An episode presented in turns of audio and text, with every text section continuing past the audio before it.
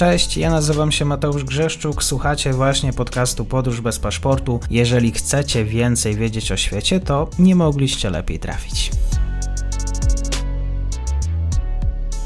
Dzień dobry Państwu, dzień dobry wszystkim słuchaczom. Dzisiaj komentarz, moglibyśmy powiedzieć, w rytm wydarzeń, bo w rytm inaczej się nie da, międzynarodowych. Dr Damian Szacawa, Instytut Europy Środkowej, również UMCS w Lublinie. Dzień dobry.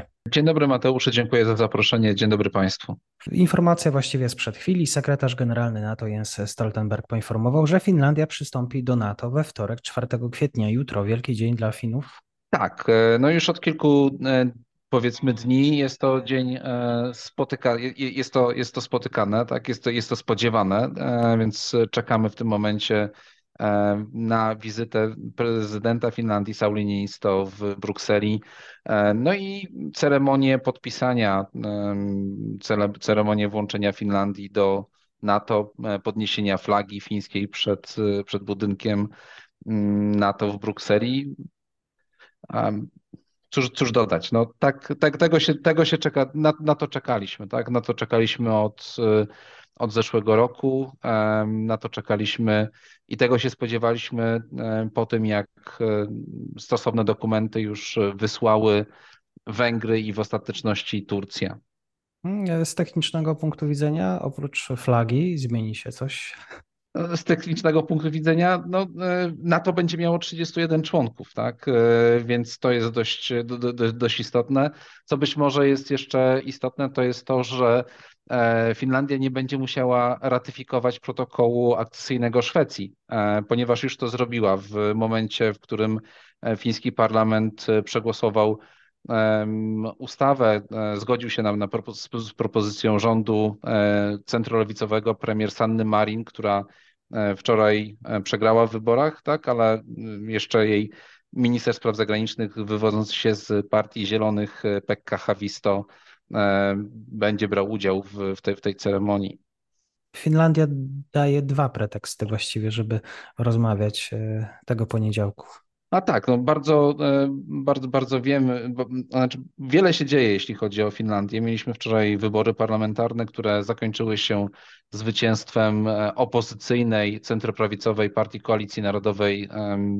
Wiele wskazuje na to, że, znaczy wiele, no, wszystko wskazuje na to, że rozmowy rozpocznie e, Peter Jorpo, czyli lider. Wiele wskazuje na to, że to nie będą łatwe rozmowy, ponieważ on nie ma tak jakby łatwego, łatwych rozmów, tak? Nie ma łatwych nie ma takich e, wprost e, określonych e, partnerów koalicyjnych, a wiemy, że potrzebuje koalicji składającej się z jeszcze dwóch partii, tak, oprócz, oprócz Partii Narodowej Koalicji, co najmniej trzech. Tak? I pytanie, czy pójdzie w stronę prawicy, czyli partii Finów i do tego dobierze jeszcze którąś z partii z centrum, czy też pójdzie w stronę lewicy, bo pojawiły się głosy dotyczące tej tej koalicji centroprawicowej z socjaldemokratami, co wydaje mi się w tym momencie mało prawdopodobne. Więc no, nie będzie miał, nie będzie lekko, tak? Czekamy na, na, na te pierwsze rozmowy.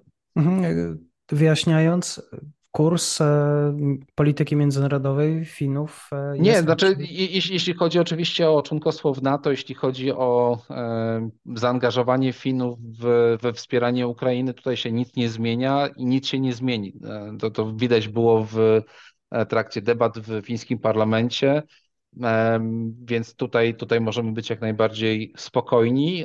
To, co może się zmienić ewentualnie, to jest, to jest kwestia stosunku Finlandii wobec integracji europejskiej wobec Unii Europejskiej, e, ale to się może zmienić, jeśli e, do koalicji rządowej wejdzie, e, wejdą prawdziwi Finowie, wejdzie, wejdzie partia Finów. Natomiast tego, tego nie wiemy i nie wiemy też na, na ile te kwestie będą przedmiotem umowy koalicyjnej. Wiemy natomiast, że jest to dość trudny, dość trudne, żeby znaleźć wspólne porozumienie pomiędzy E, centroprawicową koalicją narodową, a partią Finów, jeśli chodzi o te kwestie e, związane z integracją europejską, jeśli chodzi o kwestie związane również z e, transformacją energetyczną w Finlandii. Spojrzenie międzynarodowe spójne, ta nowa władza w Finlandii, relacje, czy może już pojawiły się jakieś gratulacje ze strony Brukseli, jakieś reakcje? Znaczy, pojawiły się oczywiście gratulacje ze strony e, liderów, e, no, w pierwszej kolejności partii, e, partii narodowo-konserwatywnych, partii centroprawicowych, również w państwach nordyckich. To są te, te pierwsze reakcje, bo i tutaj była premier Norwegii, Erna Solberg, wysłała takie, takie gratulacje. Również Szwedzi wysłali gratulacje dla, dla Peteriego Orpo. Reszta no to tak naprawdę czeka do ogłoszenia formalnego wyników tych wyborów, co ma nastąpić e, w środę. Pierwsze reformy, może jakieś zmiany legislacyjne, które obiecują?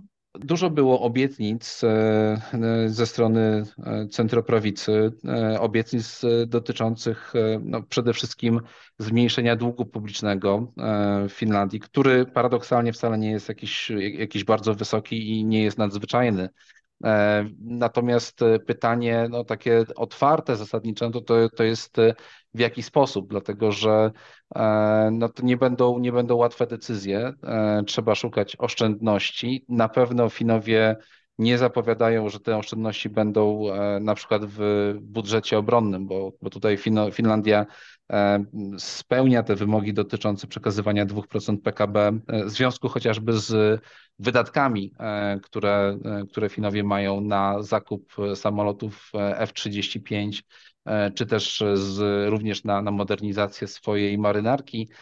W dłuższym okresie tak naprawdę muszą pomyśleć, w jaki sposób realizować ten, ten, ten limit. Natomiast no, pojawia się również kwestia ograniczenia wydatków pojawiają się również propozycje, gdzie, e, gdzie, gdzie należy szukać oszczędności. E, natomiast to będzie na pewno przedmiotem rozmów koalicyjnych, więc w tym momencie ja bym nie wyrokował, e, które wydatki będą ścięte albo gdzie Finowie będą szukali większych dochodów, no bo to można ten dług niwelować na, na dwa sposoby, czyli albo szukając dodatkowych źródeł dochodów, czyli krótko mówiąc, nowe podatki, może w niektórych przypadkach, w niektórych miejscach, gdzie one będą najmniej bolesne, e, a e, w inny, inny źródło, inne źródło to jest szukanie oszczędności. Mhm. Bo rozumiem, że pani premier będzie ważnym jeszcze elementem tej polityki wewnętrznej spojrzeniem tak, znaczy oczywiście socjaldemokracja, mamy w tym momencie taką dość mocną dość, dość mocne zogniskowanie tej polityki e, wokół trzech partii, e, ponieważ to one, każda z nich zyskała w porównaniu do wyborów z 2019 roku. W największym stopniu zyskała oczywiście Partia Koalicji Narodowej, która e, zyskała, jeśli mnie pamięć nie myli, 10 mandatów, więc to jest, to jest dużo. Zyskali również Finowie, Partia Finów, tak. Zyskała również socjaldemokracja, która pomimo tego, że się znalazła na trzecim miejscu, no to no to zyskała trzy mandaty w porównaniu do tego, co, była, co miało w 2019 roku. Częściowo jest to dzięki temu, że nastąpiło e, odejście wyborców lewicowych, którzy nie głosowali już teraz na Partię Zielonych i na Partię Lewicy, tylko przenieśli swój głos na, e, na, na, na socjaldemokrację. Ale to też jest poniekąd sukces, powiedziałbym nawet premier Sanny Marin, ponieważ zwyczajowo w Finlandii partia, która sprawowała władzę e, w wyborach e, traciła, traciła znacząco. W tym momencie socjaldemokracja straciła władzę, e, bo nie będzie nie, nie będzie rozmawiała, przynajmniej na razie, o, o koalicji, chociaż, chociaż te rozmowy są, ten, ta, ta koalicja centroprawicowa, centrolewicowa szeroka jest możliwa, e, to tego, tego nie należy wykluczać, ale powiedziałbym, że to nie jest najbardziej prawdopodobny e, scenariusz rozwoju tej, tej sytuacji. Doktor Damian Szacawa dzisiaj w komentarzu. Panie doktorze, dziękuję serdecznie. Dziękuję również. I to już koniec na dzisiaj. Zapraszam na profil podcastu Podróż bez paszportu na Facebooku, Instagramie i Twitterze. Zachęcam też do wsparcia mojej pracy na serwisie Patronite oraz Buy Coffee. Do usłyszenia.